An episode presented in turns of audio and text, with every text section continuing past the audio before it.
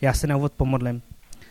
A Pane Ježíši, děkuji ti za tenhle den, děkuji ti za tuhle neděli a prosím, aby jsme se mohli setkat s tebou a s tvojí láskou i skrze příběhy, který máme zapsaný v Bibli.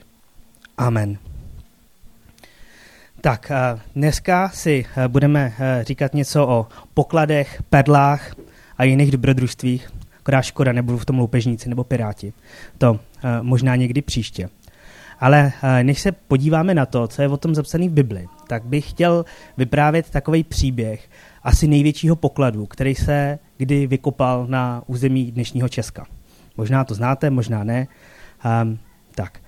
Přeneseme se do uh, 80. let uh, minulého století, uh, kdy uh, tehdejší komunistický úřady Československa uh, kontaktoval muž jménem Danny Douglas. A přijde mi to jako hrozně dobrý jméno, protože on byl totiž uh, profesionální lovec pokladů. Takový Indiana Jones. A ten jim nabít uh, 250 tisíc dolarů, což by v dnešních jako penězích bylo asi 16 milionů korun, za to, že by si rád z Česka vyzvednul dřevěnou, zdobenou asi metr velkou věc. A tak uh, pro ty úřady, že jo, ty peníze, to tako hodilo se to, valuty, ale zároveň jim jako bylo divný, co to je. A nechtěli mu dát takový jako biankošek, na to, aby prostě si tady jako odvez možná něco mnohem cenějšího. No a tak s ním prostě různě tak jako jednali a snažili se jako tvářit vstřícně, ale ve skutečnosti se z nich snažili jako vytáhnout, co by to mohlo být, protože vůbec nikoho nenapadlo o tom, o čem jako by mohl mluvit. No a nějak se to vleklo, až nakonec eh, na jednom setkání, jako mě jednání vedli ve Vídni, on se podřek a řekl, že to je něco, eh, co je potřeba vykopat, na co budou potřeba lopaty, nějaký detektor kovu a tak, a co by se mělo nacházet někde poblíž Karlových varů. Tak to už to pátrání eh, dost zúžilo a tak eh, se snažili přijít na to, co je a nakonec ehm, padl tak jakoby ten jejich úhel pohledu na zámek Bečov nad Teplou, což je takový hezký zámek mezi Karlovými Vary a Mariánskými lázněmi a tam uh, začali v zámecký kapli kopat. A uh, pod uh, podlahou té zámecké kaple, poprosím o obrázek, uh, vykopali tohle. Nevím, jestli to na vás udělá uh, takový dojem. Doporučuji si to jít podívat na to naživo. Um, a tohle je relikviář svatého Maura. A po korunovačních klenotech je to druhá nejdražší památka v Čechách. Uh, je to totiž už románská památka, myslím, to je původně z Belgie, ve kterém byly už nějaký ty relikvie, ale je to vlastně hrozně uh, sofistikovaná věc na to, že to je už doby románský a pojistná hodnota je asi půl miliardy korun. Jo, takže to je taková, takový velký poklad, který prostě byl zakopaný uh, v tom Bečově vlastně pod podlahou a nikdo o tom nevěděl. Když to vykopali, tak to samozřejmě nevypadalo takhle hezky, ale asi po 11 letech restaurování se jim to podařilo docela obnovit. A víte, jak se to tam dostalo? A do té podlahy Bečova na teplou? No, přesně tak, po válce, když tehdejší majitelé toho zámku, německý šlechtický rod, byli na základě Benešových dekretů, jim byl ten majetek zabaven a oni byli vyhnáni, tak uh, tohle nějak nebyli schopni odvíct, možná se báli, aby jim to po cestě nezabavili, nezabavili, tak to zakopali. A potomek toho šlechtického rodu, zřejmě jeden z nich, si eh, najal toho Dennyho Douglase, aby eh, to pro něj se pokusil získat. No.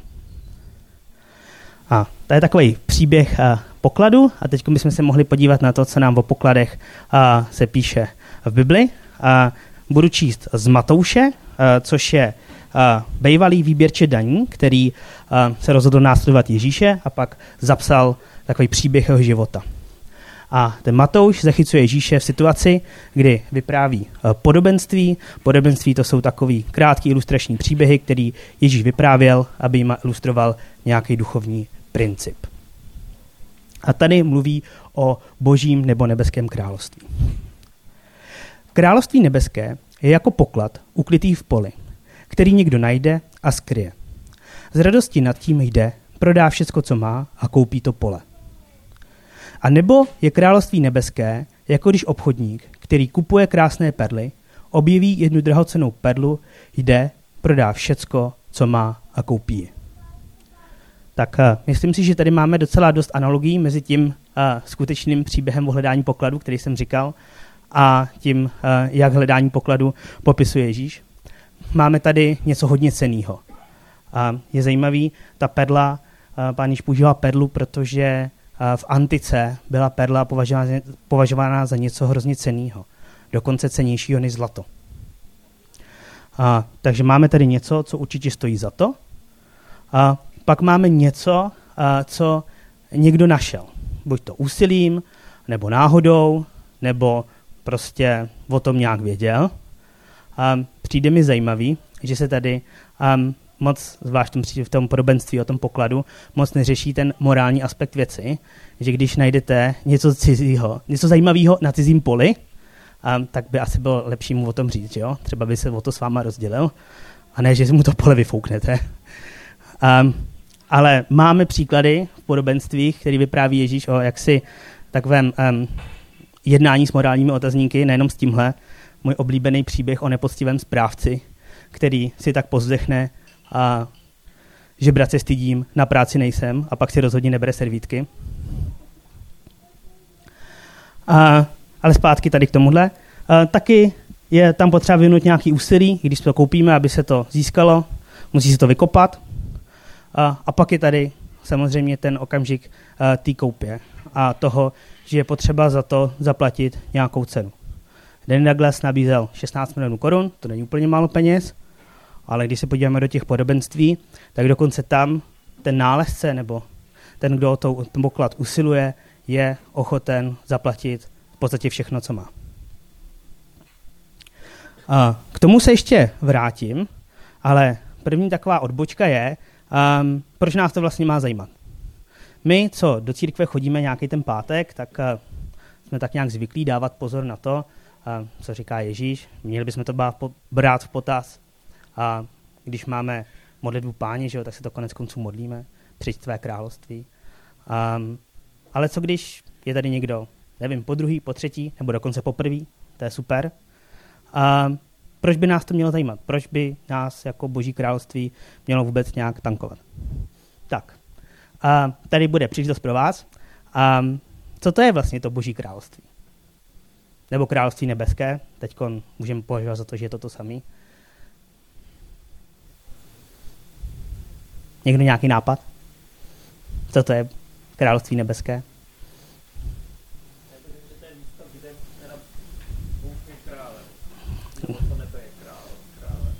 Jo, místo, kde je Bůh králem, ano. A třeba díky, někdo nějaký další nápad?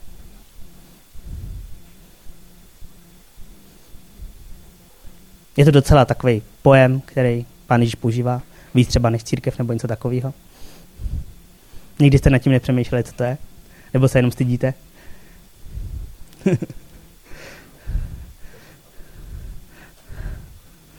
Dobře, tak já vás nebudu dál napínat, to jsem teda nečekal tohle. Ideální svět, to je dobrý, díky o to, to je pěkná myšlenka. No, um, takže, um, myslím si, že to v té době mělo jako dva pojmy. Jeden takový jako obecný, nebo to, to může znamenat i pro nás dneska, je, že to je, jak uh, už tady bylo řečeno, je to nějaký prostor, ve kterém vládne Bůh.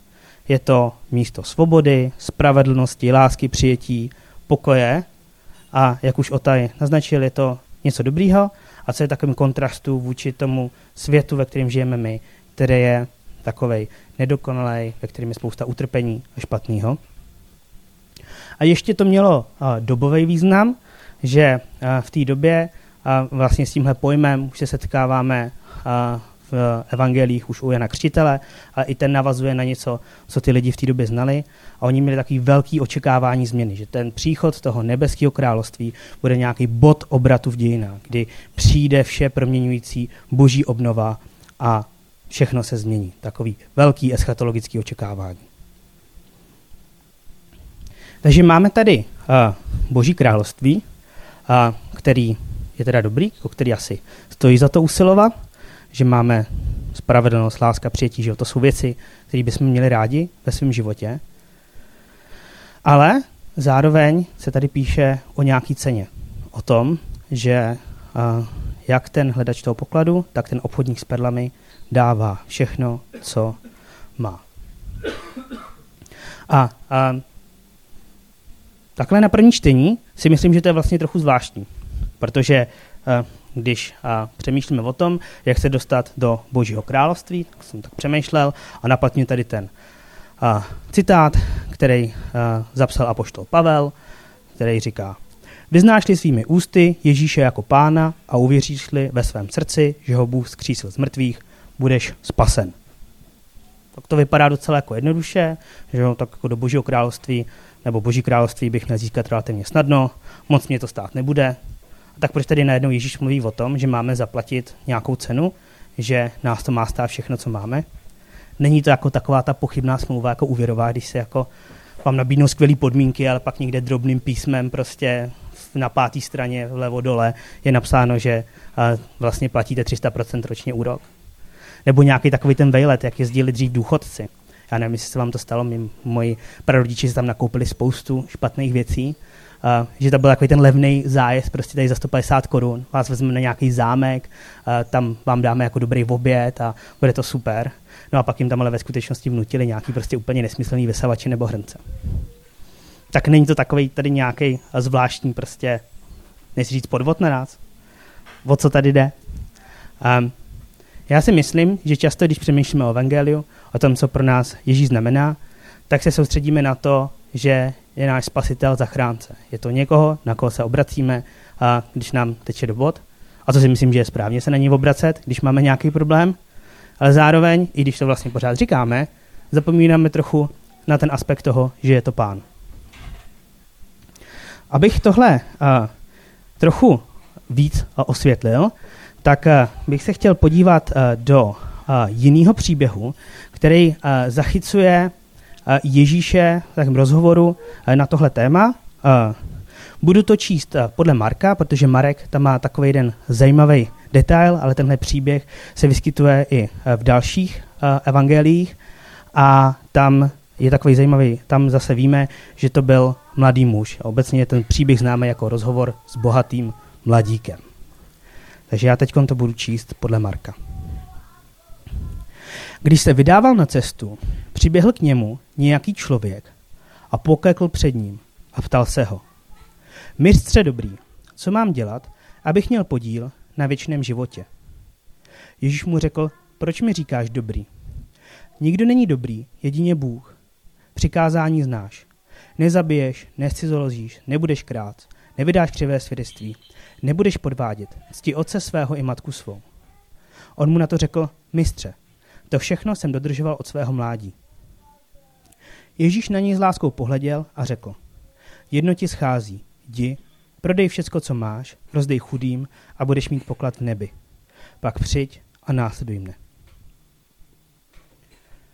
Tak, a přijde mi, že tady máme takovou situaci, která se mluví o podobných věcech, a kdy je tady někdo, kdo dodržuje zákon, kdo je vlastně v nějakých věcech skoro dokonalej a Ježíš mu říká, pozor, tady ještě jedna věc, ti chybí a vlastně ukazuje podle mě na podobné věci, o kterých mluví ty podobenství, o kterých si dneska mluvíme.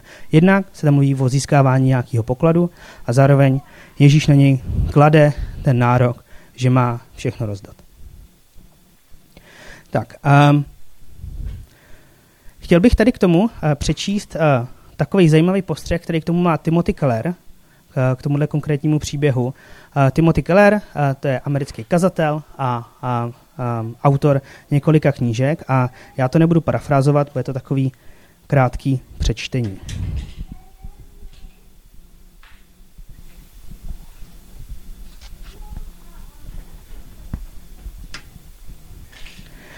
Všimli jste si ale, co Marek napsal o situaci, kdy Ježíš mluvil s bohatým mladíkem? Zadíval se na něj a zamiloval si ho. Proč k němu Ježíš najednou pocítil lásku? Samozřejmě, Ježíš byl laskavý, ale takhle zřetelný výrok o nižné náklonosti vůči konkrétní osobě se ve vyprávění evangelií vyskytuje jen vzácně. Měl ho Ježíš rád kvůli jeho vůdčímu potenciálu? Kvůli tomu, co muž vyslovil? Myslím, že ne. Ježíš, kterému je touto dobou asi 31 let, se na něho dívá a vidí sebe. I Ježíš je bohatý mladý muž. daleko bohatší, než si tento mladík dokáže představit. Od věčnosti žil v nepředstavitelné nádheře, bohatství, lásce a radosti trojice. Ale on se svého bohatství vzdal. Pavel píše, že i když byl Ježíš bohatý, kvůli nám schudl. Já teď upadnu do mnohem větší chudoby, než si dokoliv z vás dokáže představit, říká Ježíš. Všechno rozdám. Proč? Kvůli tobě. Ty teď rozdej všechno a následuj mne. Pokud jsem já rozdal svoje velké všechno, abych mohl přijít za tebou, dokážeš ty dát své malé všechno a následovat mě?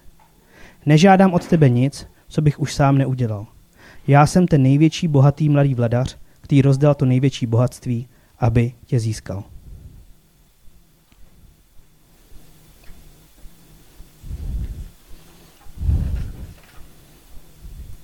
Tak Ježíš se vzdal všeho, včetně toho nejcennějšího, co měl, svého života a svého vztahu s otcem, aby nás získal. Ježíš už ten krok udělal a, jak řekl na kříži, je dokonáno. A potom ve svém skříšení je mnohem víc získal. Získal nás, ten poklad, který mu za to stál. A my, tak věřím, můžeme akorát vstoupit do dveří, které už pro nás otvírá Pán Ježíš, jako náš mistr, kterého následujeme. Další věc, proč si myslím, že tohle důležitý je, um, že to samotné vzdání se um, nám vlastně umožňuje uh, prožívat realitu Božího království a vstoupit do opravdové svobody už tady na zemi. Totiž svět kolem nás, a i když je to často takový složitý a nepříjemný, stejně nabízí spoustu dobrých věcí, o kterých můžeme usilovat. Partnerské vztahy, rodina, a kariéra, nějaký pěkný bydlení, a příjemný zážitky, pohodička. Doplňte si cokoliv, co máte rádi, o co vám jde. A tyhle věci jsou dobrý. Ale zároveň jsou trochu pastí. Protože vždycky kolem nás bude někdo, kdo bude mít víc peněz, lepší kariéru, šikovnější děti, hezčí bydlení a tak dál. Ale věřím, že když my se vzdáme nároku na tyhle věci, když napřeme svoje životy k božímu království, že nás to osvobodí a že my můžeme zakoušet to, že milující otec, který ví nejlíp a ví všechno, co potřebujeme, se o nás postará. Že on naplní naše potřeby. Když se na to podíváme prakticky, nemyslím si, že by jsme teď po skončení téhle bohoslužby měli přijít domů, vyprázdnit své bankovní konta, prodat domy, auta, akciová portfolia, kryptoměny, cokoliv máme – Ono třeba u mě by zrovna z toho stejně moc nezbylo po odečtení hypotéky. Ale myslím si, že máme být pozorní a naslouchat takové výzvě dané chvíle. Výzvě toho, k čemu nás, každýho z nás, volá Duch Svatý. Um, myslím si, že každýho z nás volá k něčemu jinému, ale před všema z nás stojí ta výzva, jestli budeme usilovat o hledání toho pokladu, o hledání té perly, o hledání Božího království. Taky a si myslím, že jsou jiná platidla než jenom peníze. A myslím si, že často i vzácnější, že to platidla, kterých se nám dostává mnohem méně. Je to čas, pozornost, energie. Myslím, že hlavně ten čas, ten je v naší době fakt vzácný. A jeden takový osobní příklad. A Zkomplikovala se mi teď situace v práci a je to takový dost nepříjemný, možná to skončí dost ošklivě. A jsem ale hrozně rád, že tohle břemeno nemusím mít sám, že můžu mít v tom nějakou praktickou pomoc, že se za to i můžeme modlit na skupince a to je moc povzbudivý. Ale zároveň jsem si mohl uvědomit, že ta pro mě, ta moje kariéra byla nějakým zdrojem hodnoty, zdrojem bezpečí, který, možná, který byl, nebo možná pořád je, na místě, který tomu asi úplně nenáležel. A to, že prostě jsem mohl dělat na nějakých zajímavých mezinárodních projektech, že kolegové si cenili spolupráce se mnou, že mě eh, nadřízení oceňovali. A měl jsem to takový počet důležitosti. A tím neříkám, že nemáme pracovat nebo že pracovat je špatný, to určitě ne, ale je otázka, čemu dáváme prioritu, za čím v životě opravdu jdeme. A tak u mě to mohla být teď, nebo možná pořád je, ta kariéra, ale u každého z nás to bude možná trochu něco jiného. A tak eh, je podle mě důležitý naslouchat tomu, k čemu nás Pán Bůh vede. A jsem tak přesvědčený ale, že každý z nás má ve svém životě nějaké věci, které možná ještě úplně tak neodložil pro Boží království. A že je to nějaká cesta, po který máme jít. Ale zároveň je to cesta, která má velký zaslíbení, a která nám může přinést toho spoustu. A jsem mluví o tom obřím pokladu, nádherný perle. A je to taky cesta, která má zaslíbení věčnosti. A tak bych to chtěl zakončit, to dnešní zamyšlení, takovým zase známým veršem, ale který si myslím, že má velkou platnost. Hledejte především jeho království a spravedlnost a všechno ostatní vám bude přidáno.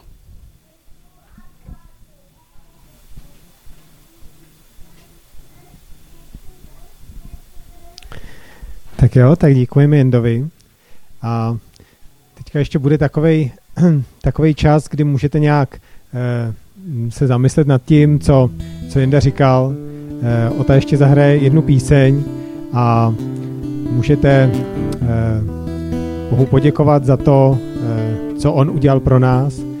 Můžete eh, taky se pomodlit, jestli prostě vám neukáže nějaké věci, které jsou v našem životě, které třeba ještě jsme mu neodevzdali, v kterých potřebujeme nějak eh, udělat nějaký krok takže můžete klidně jen tak prostě sklonit hlavu a sám eh, tak být s Bohem.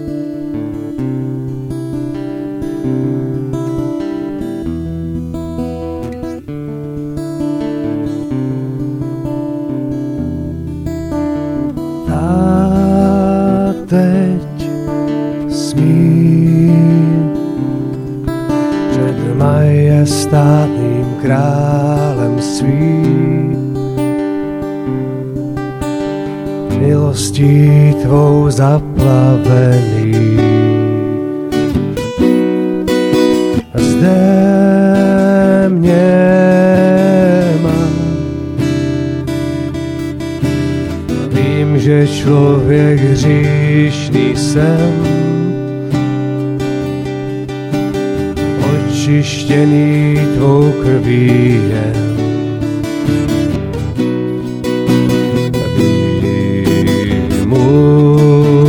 Sám, ta láska největší je má, když život svůj si oběť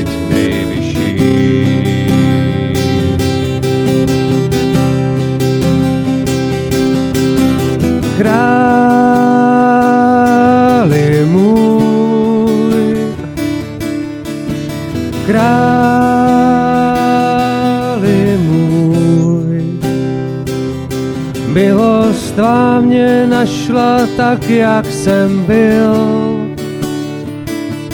Ruce prázdné v dlaních svých ty mě skryl. Králi můj, králi můj, tvou láskou navždy změněný jsem. Ve tvé přítomnosti králi můj.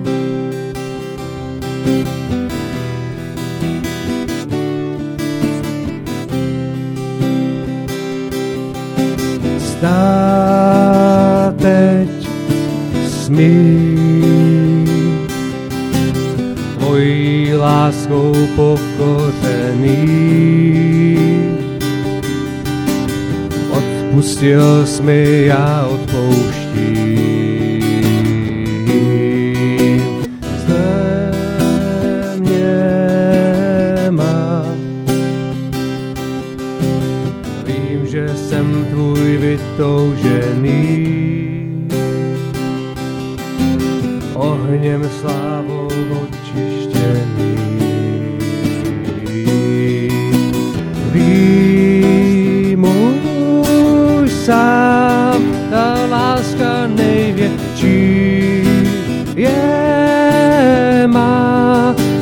Život svůj si dal, oběť nejvyšší.